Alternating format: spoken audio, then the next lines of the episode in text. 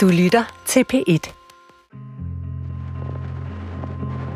Forældre fik døtre på 8 og 15 omskåret. Somalisk par skal i fængsel for omskæring af piger. Somaliske forældre idømmes fængsel i sag om omskæring. Anklager ikke i tvivl. Forældre skal dømmes for omskæring. Ekstrabladet kom ud med det, BT kom ud med det, TV2 Nyheder kom ud med det. De fleste, som jeg egentlig selv også følger med i, kom ud omkring alt det her. De fortæller også løbende, hvad der sker, så man får bare endnu en artikel i hovedet og sådan noget der. Inde på børneværelset i Fredericia kan den dengang 16-årige Amira følge med på sin telefon, mens historien om, hvordan hendes forældre har omskåret hende og hendes søster, rammer hele det danske mediebillede. Og det læser de andre også med på. Jeg så også folk tænke deres venner på det. De ved jo godt, det er mig. Fordi at der bor ikke så mange somaliske piger på min alder her i Fredericia. Så det er jo en lille by, så folk har allerede regnet, det må være hende.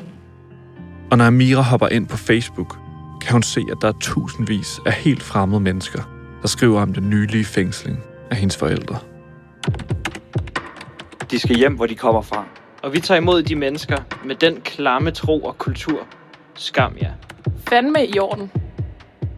Herinde på børneværelset får hun til sidst nok af alle de kommentarer, hun læser. Og derfor beslutter hun sig for at skrive et svar til kvinden, der mener, det fandme er i orden, at forældrene er blevet fængslet. Amira skriver, Nej, det er fandme ikke i orden. Især ikke, når det ikke passer. Der er ingen, som er omskåret. Hverken min søster eller jeg. Synes fandme, det er træls. Det irriterer jo mig, fordi de får jo noget, der er løgn at. Jeg kan jo ikke forsvare mig selv på det. Altså, jeg kan ikke skrive i kommentarer. Men du prøv lige at høre, jeg er jo ikke omskåret. Og det har jeg også gjort på et tidspunkt. Der var ikke nogen, der lagde mærke til det. Og der var heller ikke nogen, der likede det eller noget som helst. over i skolen har det dog ikke altid været lige nemt for Amir at stå op for sig selv. Amir fortæller, at hun på det her tidspunkt går i 9. klasse. Og en dag, hvor Amir sidder og snakker med nogle klassekammerater over i skolen, kommer en af Amiras veninder gående forbi og peger på hende, mens hun siger, Nå, ja, det er jo hende, der omskår. Ej, det har jeg ikke glemt, jeg ikke må sige. Og så stikker af. Altså, hun gør det kun for at pisse mig af. For at få noget ud af min mund, så jeg snakker om den her. Så jeg var jo meget indlukket. Amira er blevet mere og mere indlukket, efter sagen er startet. Og selvom hun har lyst, så svarer hun ikke igen, fortæller hun mig. Jeg havde lyst til at råbe på hende og sige, du ved, hallo, jeg er ikke omskåret, hvad er det, du siger? Men jeg lå bare være, altså, Har du, har du mistet venner på det? Øh, mm, altså, jeg har blevet mobbet med det, men altså, Det er okay. altså, jeg har mistet mange venner på det. På et tidspunkt, så er jeg kun én veninde, som var der for mig. Så ja. Når Amira tænker på den her periode i dag, så fortæller hun mig, at det nok lige så meget var hende selv, der skubbede sine venner væk. Hun gik ind i sig selv og vil ikke snakke om sagen. Folk render jo også rundt om bagtale en og siger alt muligt om omkring. Altså, jeg har jo ikke lyst til at være sammen med en, som bliver omtalt sådan her. Men altså, så ved man jo bare, at det er jo ikke ens rigtige venner. Hvis man kan miste dem på noget, der er løgn.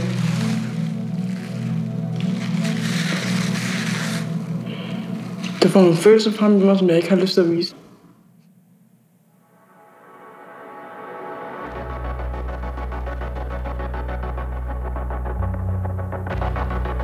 Den her sag har sat to forældre i fængsel.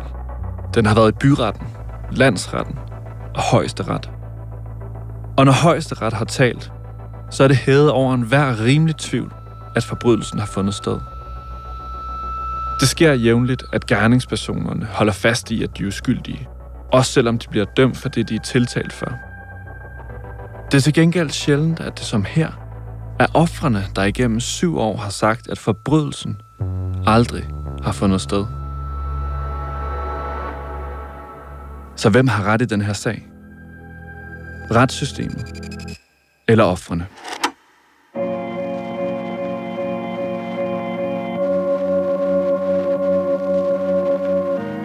Velkommen til anden episode af Det Levende Bevis. En podcast fra Pet Dokumentar. Mit navn er Frederik Hugo Ledegaard Tim.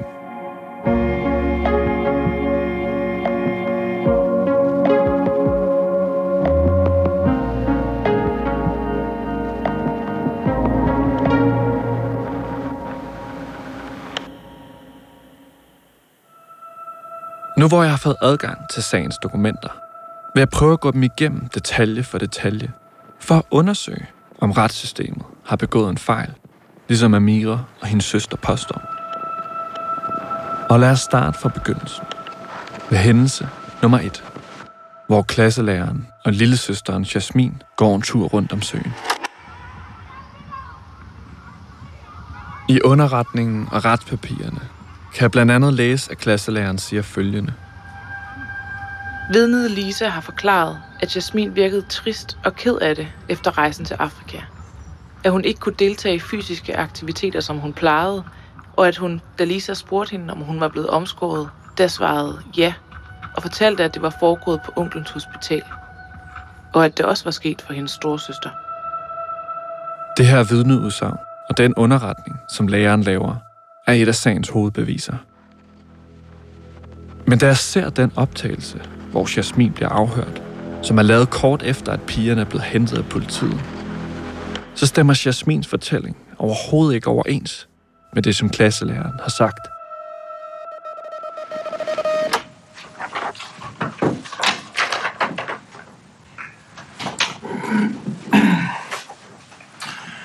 Goddag, mit navn er... Jeg er kriminalassistent ved Sydøstlands politi i Horsens. Jeg vil om lidt foretage afhøring af mor og far, altså de mistænkte, har givet samtykke til afhøringen. Den her video har jeg brugt mere end tre år på at få fat på. Jeg vil gerne kunne se, hvordan Jasmin reagerer og svarer, da hun bliver spurgt, om hun er omskåret. Første gang jeg ser den her video, sidder jeg på Horsens politistation. Det er første gang, jeg nogensinde ser en afhøringsvideo fra Danmark. Det ligner noget fra en amerikansk serie. På skærmen kan jeg se afhøringen fra to forskellige vinkler. Det ene kamera sidder oppe i hjørnet af rummet og filmer ned, og det andet kamera er i øjenhøjde og filmer hen på sofaen, hvor Jasmin om lidt skal sidde. Jeg har lige hilst kort på øh, umiddelbart inden øh, den her afhøring går i gang nu, og jeg har talt med hende og orienteret hende om, hvad der skal ske. Vist hende rummet, men jeg har ikke talt med hende om sagen. Og jeg vil nu prøve at hente. Jasmin har bedt om at være anonym, da flere af hendes omgangskreds ikke kender til sagens detaljer. Hendes stemme er også sløret. Hun har givet os lov til at bringe videoafhøringen her, men hun har ikke lyst til at være med i et interview i podcasten. Det overlader hun til sin søster.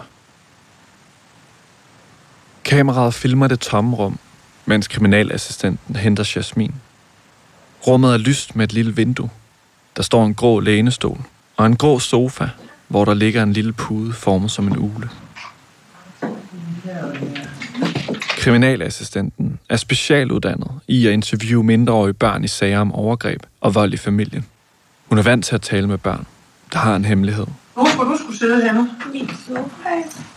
Super. Jasmin sætter sig i sofaen, kriminalassistenten sætter sig i lænestolen, så de sidder over for hinanden.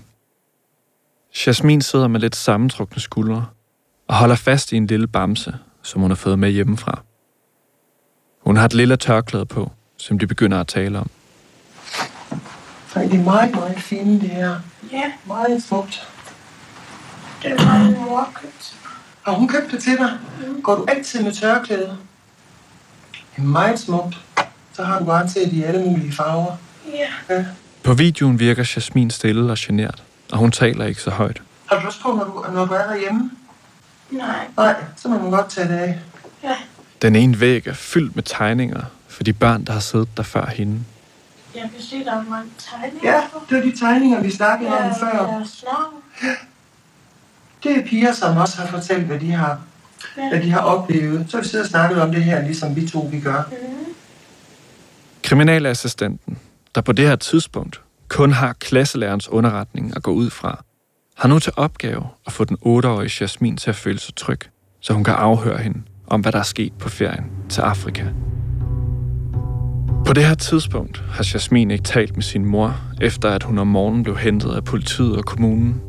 Og på vej til børnehuset i Odense har moren siddet i en anden bil, så hun ikke får mulighed for at kunne påvirke svarene på de spørgsmål, som kriminalassistenten skal til at stille. Den eneste mulighed forældrene kan have haft for at påvirke Jasmin den morgen, er da faren ifølge retspapirerne kort går ind og vækker hende, da politiet ankommer. Man må ikke sige noget, som ikke passer. Okay? Hvis der er et eller andet, som du ikke forstår, hvad det er, jeg spørger dig om, så kan være sød at sige det til mig. Fordi så vil jeg prøve at spørge dig på en anden måde. Kriminalassistenten forsøger også at forklare Jasmin, at børn har ret til ikke at udtale sig om deres familie. Når vi sidder og snakker herinde, os to, så skal du også vide, at øh, vi kommer til at snakke om din familie herinde, helt sikkert. Øh, og så er det sådan, at så, har du ikke, så skal du ikke øh, snakke om det, hvis du ikke har lyst til det. Men øh, det er jo egentlig det, der er meningen, det skulle i dag.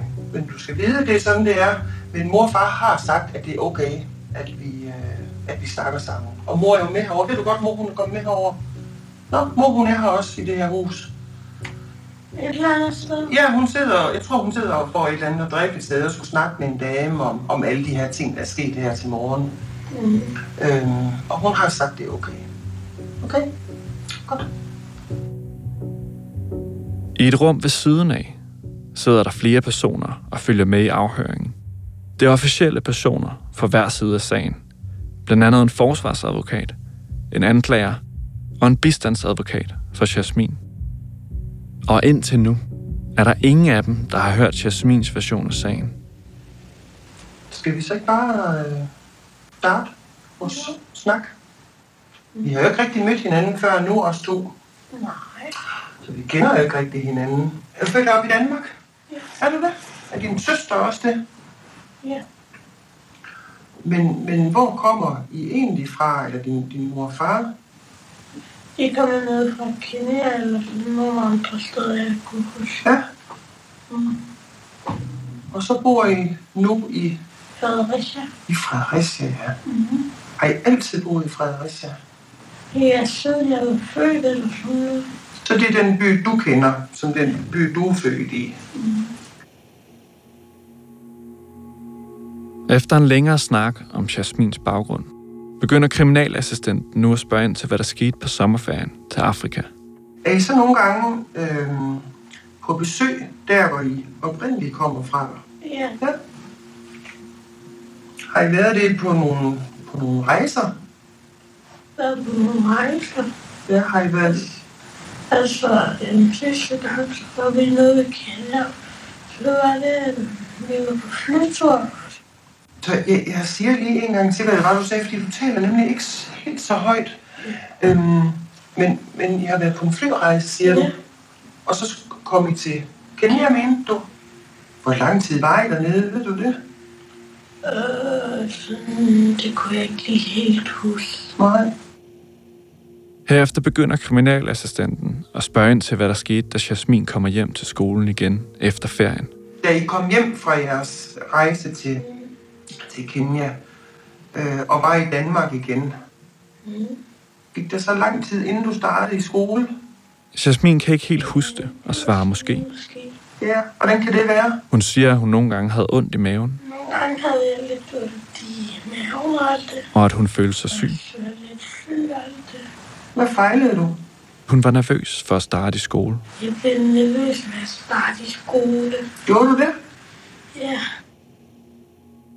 Jasmin fortæller, ligesom klasselærerens underretning, at da hun kommer tilbage til skolen, så er hun ikke helt sig selv. Fordi du var, du var øh, som du siger det selv også, du var syg. Du siger, du havde ondt i maven. en lille smule. Ja. Var du, var du til læge? Nej, det gik over igen. Ja. Er du ondt andre steder på din krop? Nej. Okay. Grunden til at spørge, det er nemlig, øh, fordi du har en, en lærer henne i skolen, der hedder... Og jeg forstår, at hende og dig, I har snakket om nogle ting, som skete på, øh, på rejsen til, øh, til Kenya. Kriminalassistenten hentyder til den samtale, Jasmin og klasselæreren Lisa har ved søen. Den samtale, der får hele sagen til at rulle. Hvad var det, I snakkede om dig? Jeg snakkede lidt, hvordan rejsen var, Ja. og lidt, øhm, hvordan flyturen var. Klasselæreren Lisa fortæller, at hun kun har snakket med Jasmin om turen til Afrika én gang. Dengang nede ved søen, hvor Jasmin ifølge klasselæreren fortæller, at hun er blevet omskåret. Men jeg ved, at du har talt med en gang, der var sådan et, øh, et motionsløb i skolen. Mm. Men jeg kan forstå, at det er den dag, hvor I har det motionsløb, at du får en snak med... Men det er vi ikke helt. Det havde I ikke helt. Det har jeg misforstået simpelthen. Øhm, er der, jeg ved i hvert fald, at I har haft en snak om, som du også siger med, med jeres tur, der I har snakket om. Eller... Altså, det var bare en tur. Nå, det var det mest den, I snakkede om. Ja. Nå, fordi jeg har forstået det sådan, at, at I også har snakket om, øh, hvad der var øh, sket nede på selve ferien dernede. Ja, fordi du har været lidt ked af det. Snakket med dig. Det havde jeg da ikke. Er det ikke det? Nej. Nå, sådan har jeg forstået det. Det var mærkeligt. Fordi hjemme i, sådan som jeg har forstået det, så havde jeg snakket med dig om, hvad, hvad de har lavet i klassen, mens du har været, mens du var på ferie.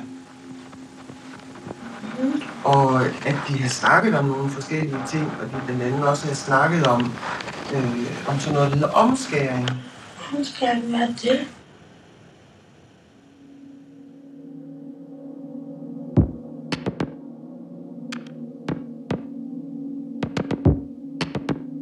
Jasmin har ifølge klasselærerens underretning og vidneudsagn rynket på næsen og sagt ja, da hun bliver spurgt, om hun er omskåret.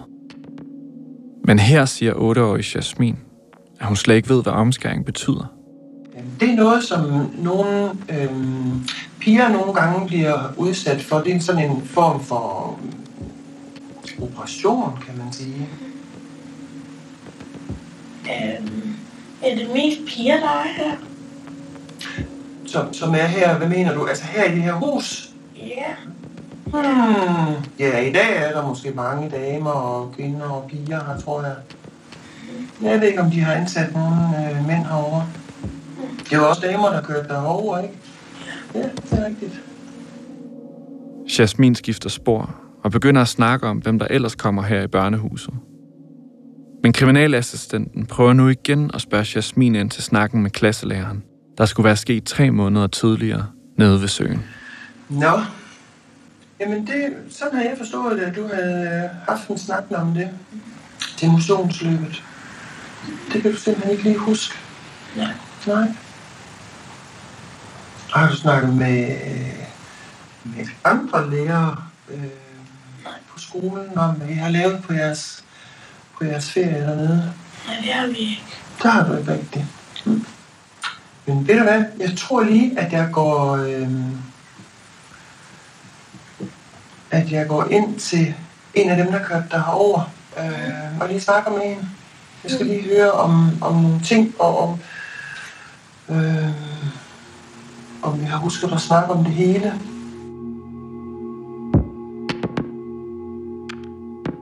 Kriminalassistenten er væk i fem minutter.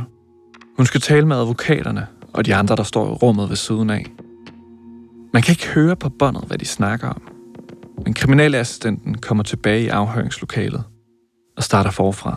Og du spurgte lige før nemlig om det her med, om, øhm, om der var andre piger her. Tænkte du, om, om der var andre piger ligesom dig? Mm. Ah, som, som jeg skulle snakke med også, eller som havde, som havde oplevet sådan nogle ting, som du måske har oplevet. Mm. Ja, sådan nogle har, vi, har jeg talt med. Er det lidt rart at vide, at der er andre, der har, der har siddet og snakket herinde også? Ja, så er der ikke kun mig. Nemlig. Men der er ikke, det er bestemt ikke kun dig. Mm. Det er det ikke. Og nogle af dem, jeg har siddet og snakket med, de kan, de kan godt synes, det er lidt svært nogle gange. Mm. Ja, lige at komme i gang med at snakke, ikke? Har du det også sådan?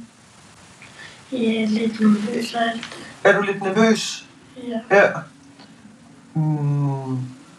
Kan, du, kan du prøve at fortælle, hvad det er, der, der gør dig sådan lidt nervøs ved det? Det er, at kommer med nogle fremmede også. Ja, Så bliver jeg bare her og det. det kan jeg godt forstå. Jasmin fortæller, at hun er nervøs, fordi der er mange fremmede mennesker, der pludselig har hentet hende og søsteren. I politirapporten kan jeg se, at der om morgenen har været flere politibiler og en bil fra kommunen foran hjemmet. Det er lidt voldsomt, ikke også? Altså, så er lige pludselig så mange fremmede mennesker. Ja. Men, øhm, men det er fordi, det er vigtigt for os øhm, at prøve at finde ud af, om, om I har det godt derhjemme. Mm-hmm. For i hvert fald så, så har jeg fået at vide, at dengang du talte med til det her motionsløb, der fik jeg at vide, at, at, øhm, at I gik og fik den her snak, vi snakkede om før, fordi du var lidt ked af det. Og at du så havde fortalt hende noget om turen, og at du havde fortalt, at mens I var på ferie nede i Afrika, der øh, var du blevet omskåret. Omskåret, det var jeg da ikke. Det var du ikke. Nej. Altså sagt. Men det har jeg ikke. Det har du ikke. Nej. Nej. Kriminalassistenten forklarer endnu en gang Jasmin, hvad omskæring er. Hun siger, at det er noget læger gør med en kniv. Det er noget piger på Jasmins alder bliver udsat for, hvor en læge skærer noget af tissekonen væk. Måske er det bare nogle andre, der har sagt det. Måske har hun sagt det til nogle andre, som hun tror, det er mig. Altså, sådan som jeg har forstået det, så, så var det helt klart, at det var og dig, der havde talt om det, og at du havde fortalt det til hende, at du var blevet omskåret på ferien. Jeg der. har ikke Og det havde gjort, og det var, at det havde gjort ondt. Jeg har ikke blevet omskåret. Nej. Jeg tænkte jo også, at det kunne, øhm, det kunne være sådan, at nogen i din familie, måske mor eller far, eller mos, nej, men, men prøv at høre, hvad jeg siger, at de måske har sagt, at det ikke er noget, som du må fortælle om til nogen. Men det har jeg heller ikke sagt. Nej, men Det er har, helt mærkeligt. Jeg kan forstå det. ja, jeg kan godt se på dig, at, at øhm, det forstår du ikke helt, det her. Nej. Okay.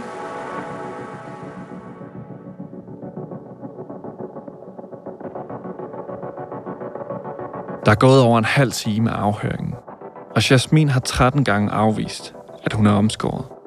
Altså det stik modsatte af, hvad klasselæreren har skrevet i sin underretning. Og nu begynder hele situationen at sætte sit præg på Jasmin. Jeg er træt. Stresset af alt det. Var det lidt stresset? Ja, Jasmin begynder at spørge efter sin mor, og hvor hun er henne. jeg vil faktisk hjem. Fordi du savner mor nu. Men, men du kommer til at møde mor øh, lige om lidt, når vi er færdige, tror jeg. Kriminalassistenten prøver endnu en gang at spørge Jasmin ind til snakken med klasselæreren Lisa. Det kunne jo være, at I havde snakket om derhjemme, mm-hmm. at det, der var sket dernede, Mm. det var en hemmelighed. Fordi det er ikke noget, man gør herhjemme i Danmark ved, ved, de, ved pigerne. Nogle gange så er det normalt lidt øh,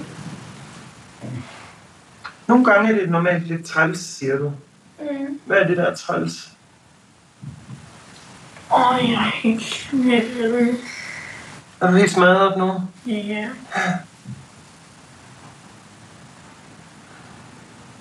Men kunne det være fordi, at du helst ikke vil fortælle om det, der er sket dernede? jo, det vil jeg gerne. Det vil jeg du er gerne. lidt. Ja, men jeg tror simpelthen ikke, det tager så lang tid at fortælle om det. Det er jo egentlig mere at, at snakke med mig om, om det er rigtigt, det dig har snakket om. Jeg kan ikke huske noget som helst. Heller ikke det, at du havde snakket med hende om, at, at, det, var, at det havde gjort ondt. Nej, det har At jeg det, var, ikke det skulle være din onkel dernede, øh, som, som arbejder på det her hospital, som, øh, som skulle have lavet den her operation eller Nej, det har omskæring. han ikke gjort på mig. Nej. Jeg har heller ikke været noget på hospital. Nej. Men så kunne det være, at det var sket ikke på det hospital, hvor han arbejder, men på et andet sted. Nej, det har jeg heller ikke. Eller en anden en, der har, der har gjort det, hvor så bare din onkel har været med, måske. Nej, det har jeg heller ikke. Nej, okay. Godt. Jamen, der er et eller andet, som vi så lige bliver nødt til at tale med om, måske. Mhm. Men jeg tror, hvis man havde, havde fået lavet sådan en operation der i tissekonen, så tror jeg, at man ville kunne huske det. Det tror du ikke? Nej, du har det ikke, siger du, men jeg siger, jeg tror, man vil kunne huske det. Ved du, om din storesøster har fået det lavet? Er det noget, dig og hende har snakket om? Det er det ikke. Nej, okay. Godt. Men ved du hvad? Så tror jeg, at vi skal ind, og så du kan få lavet din, øhm, din perleplade færdig. Skal du ikke det? Og få sat nogle farver på, og lige vente til, øhm, til de får har fået snakket færdigt, både med mor og med, med din store søster her. Men det var rigtig fint, at du har lyst til at sidde og snakke med mig her. Det er jeg glad for. For jeg ved godt, det har været en noget anderledes morgen. Så det er jeg glad for. Så det skal du have tak for. Er der? Okay, så er vi færdige nu.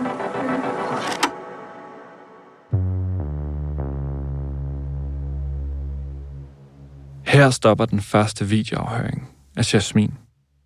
Jasmin har nu 18 gange på forskellige måder sagt, at hun ikke er omskåret, og understreget, at hun ikke ved, hvad omskæring er.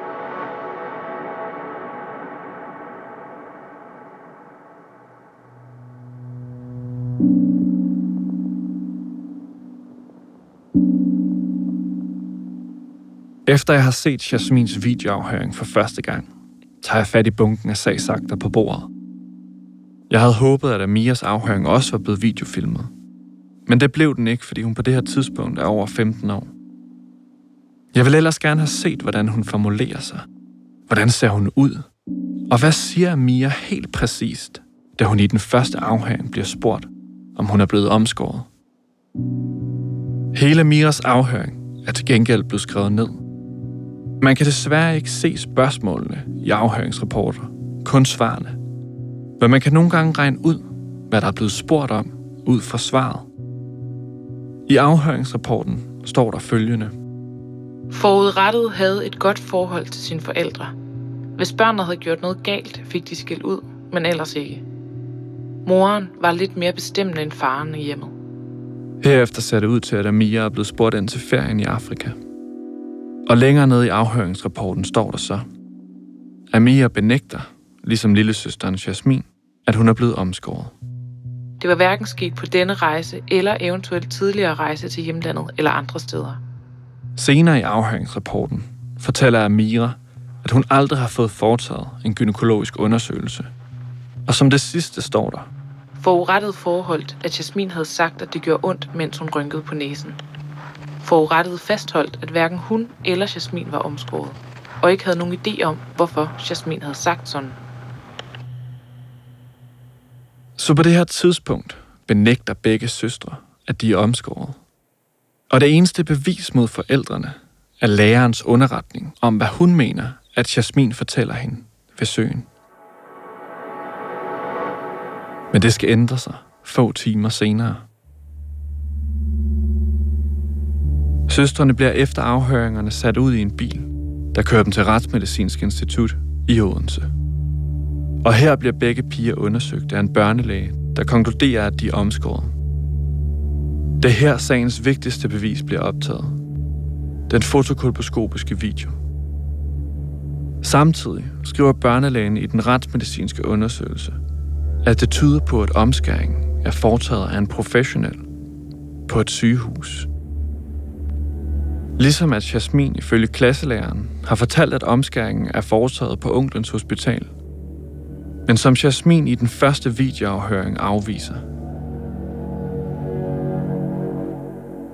Så en måned senere bliver Jasmin videoafhørt igen. Kan jeg ikke lokke dig til at sidde herovre? Tættere på, så kan jeg bedre høre. Jeg kan nemlig huske sidste gang, at vi ikke altid vi lige kunne høre hinanden. Du talte ikke så højt. Det, som kriminalassistenten vil spørge Jasmin ind til den her gang, er resultatet af den retsmedicinske undersøgelse. Efter vi to, vi så havde... Øhm, vi snakkede sammen sidst, Mm. så skulle du til sådan en undersøgelse sammen med din søster. Mm. Ja. Øhm, har du fået at vide, hvad det var, de fandt ud af til den undersøgelse? Jasmin ryster på hovedet. Det har du ikke fået at vide. Mm. Det Nå. kan jeg ikke huske. Nej, okay. Men, men så kan jeg fortælle dig, at øh, lægen, som har undersøgt Mhm. jer begge to, har kunne se, at, at I er blevet, altså der er blevet foretaget sådan en omskæring. Men det er vi jo ikke. I kender har jeg altså husket, hvad jeg har lavet, Ja. og jeg, jeg er ikke blevet omskåret. Nej.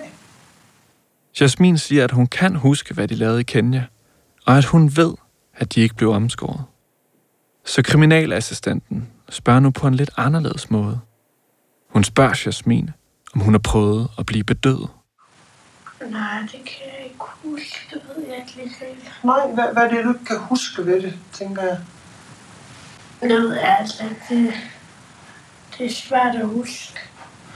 Ja. Men jeg har prøvet at være tandlæge før. Og det har du. Mhm. Og det skal man jo også gøre. Mhm. Så man passer dem ordentligt, ikke også? Mhm. Mm.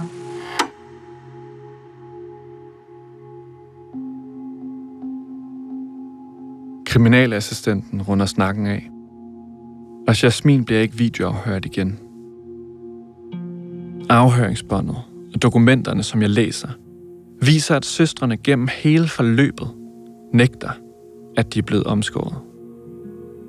Mest interessant er det, at Jasmin fortæller, at hun ikke kan huske, at samtalen med klasselæreren har fundet sted. Og at hun efter at have fået forklaret, hvad omskæring er, igen og igen, holder fast i, at hun ikke er blevet omskåret.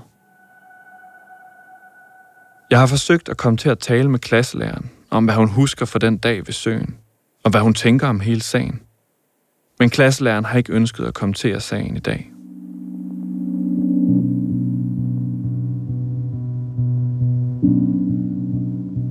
På mit skrivebord i DR-byen er der stadig flere bunker med papir fra retssagen, kommunen, skolen og eksperter, som jeg skal igennem, for at komme til bund til den her sag.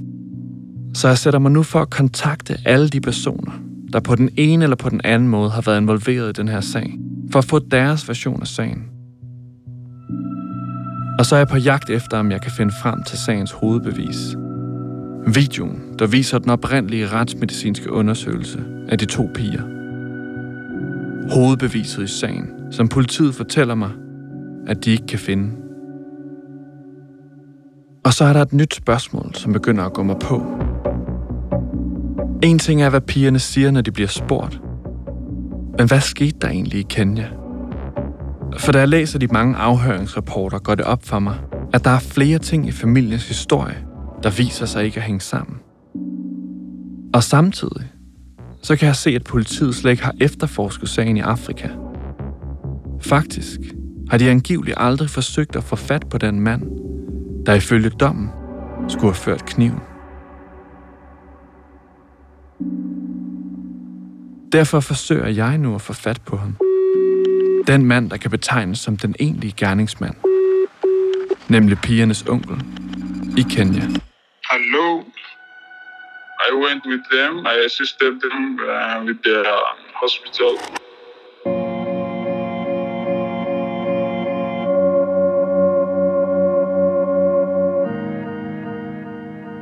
Jeg har forelagt Amiras kritik for en række myndigheder.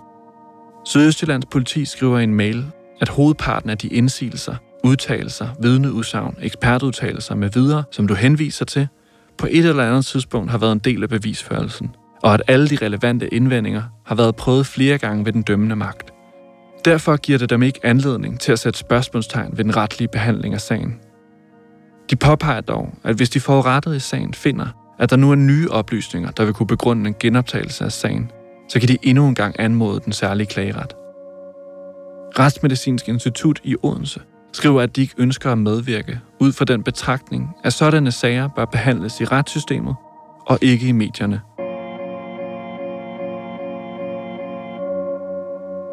Du har lyttet til anden episode af Det Levende Bevis. Mit navn er Frederik Hugo Lidegaard Tim, og jeg har lavet den her serie med hjælp fra vores to dygtige praktikanter, Ida Kjær og Johanne Iben Johansen. Cinemanster, der har lavet lyddesign, og klippet serien med hjælp fra Frederik Bækgaard Ludvigs og Malte Vinter Bode, der også har lavet musik. Jens Wittner er redaktør.